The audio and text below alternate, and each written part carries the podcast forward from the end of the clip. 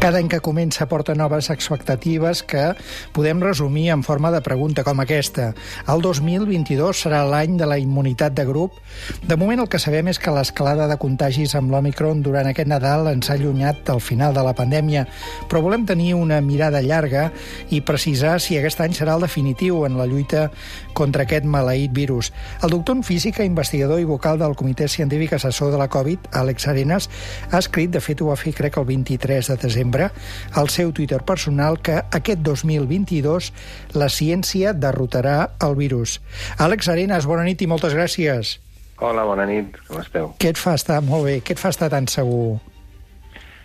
Doncs eh, penso que els avenços que hem fet científicament parlant són molt importants i ens posen en una posició d'avantatge per primera vegada. És a dir, ara en sabem molt més que sabíem el 2020 quan tot això va començar tenim una eina fonamental, que és la vacuna. Tenim coneixements de com complementar aquesta vacuna per poder derrotar el virus d'una vegada, com són l'ús de les mascaretes, la ventilació, el control de la qualitat de l'aire, en definitiva.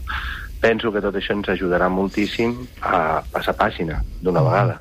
No ets l'únic optimista perquè el director general de l'OMS, Tedros Adhanom Ghebreyesus, també assegurava fa pocs dies que aquest any s'acabarà la pandèmia. Sí, és una esperança. Eh, ens cal treballar molt, perquè, clar, això no, no és simplement un desig. Eh, és una necessitat i requereix d'un esforç.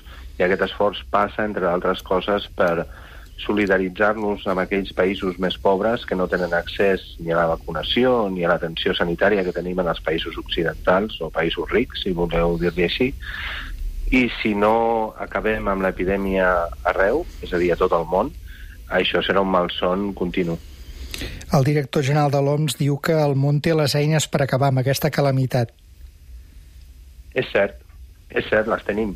Una altra cosa és que les fem servir, i que les fem servir de manera solidària, de manera global i de manera rotunda. Si no hi ha vacunació global, aniran apareixent mutacions i serà la cançó de l'enfadós? Sens dubte si no vacunem globalment, és molt probable que alguna variant ens sorprengui de nou després d'aquesta Omicron i que ens porti un altre cop una sèrie de problemes que ja coneixem, malauradament. Com veus l'actual situació amb l'Omicron? La veig complicada sobretot aquest gener. Aquest gener tindrem aquest pic de contagis i hem de veure si el sistema sanitari és capaç d'aguantar aquesta nova emblancida que, sens dubte, posarà un altre cop el sistema contra les cordes i esperem que cap al febrer, mitjans de febrer, finals de febrer, aquesta onada ja hagi passat i estem en una situació molt més, eh, com te diria, confortable respecte, respecte al que estem ara.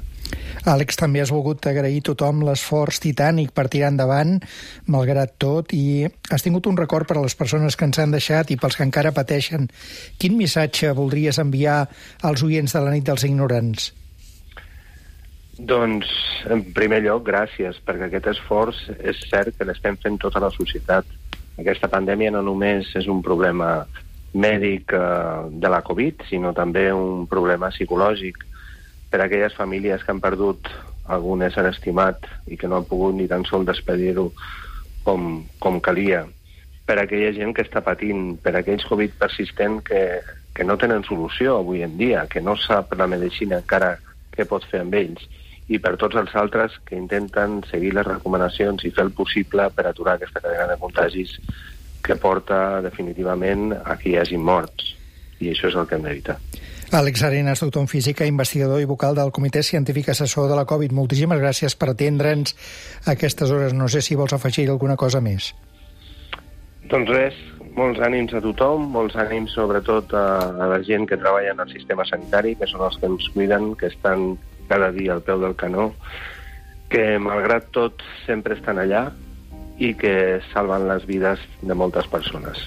Gràcies. Bona nit i bon any, Àlex. Bona nit, bon any.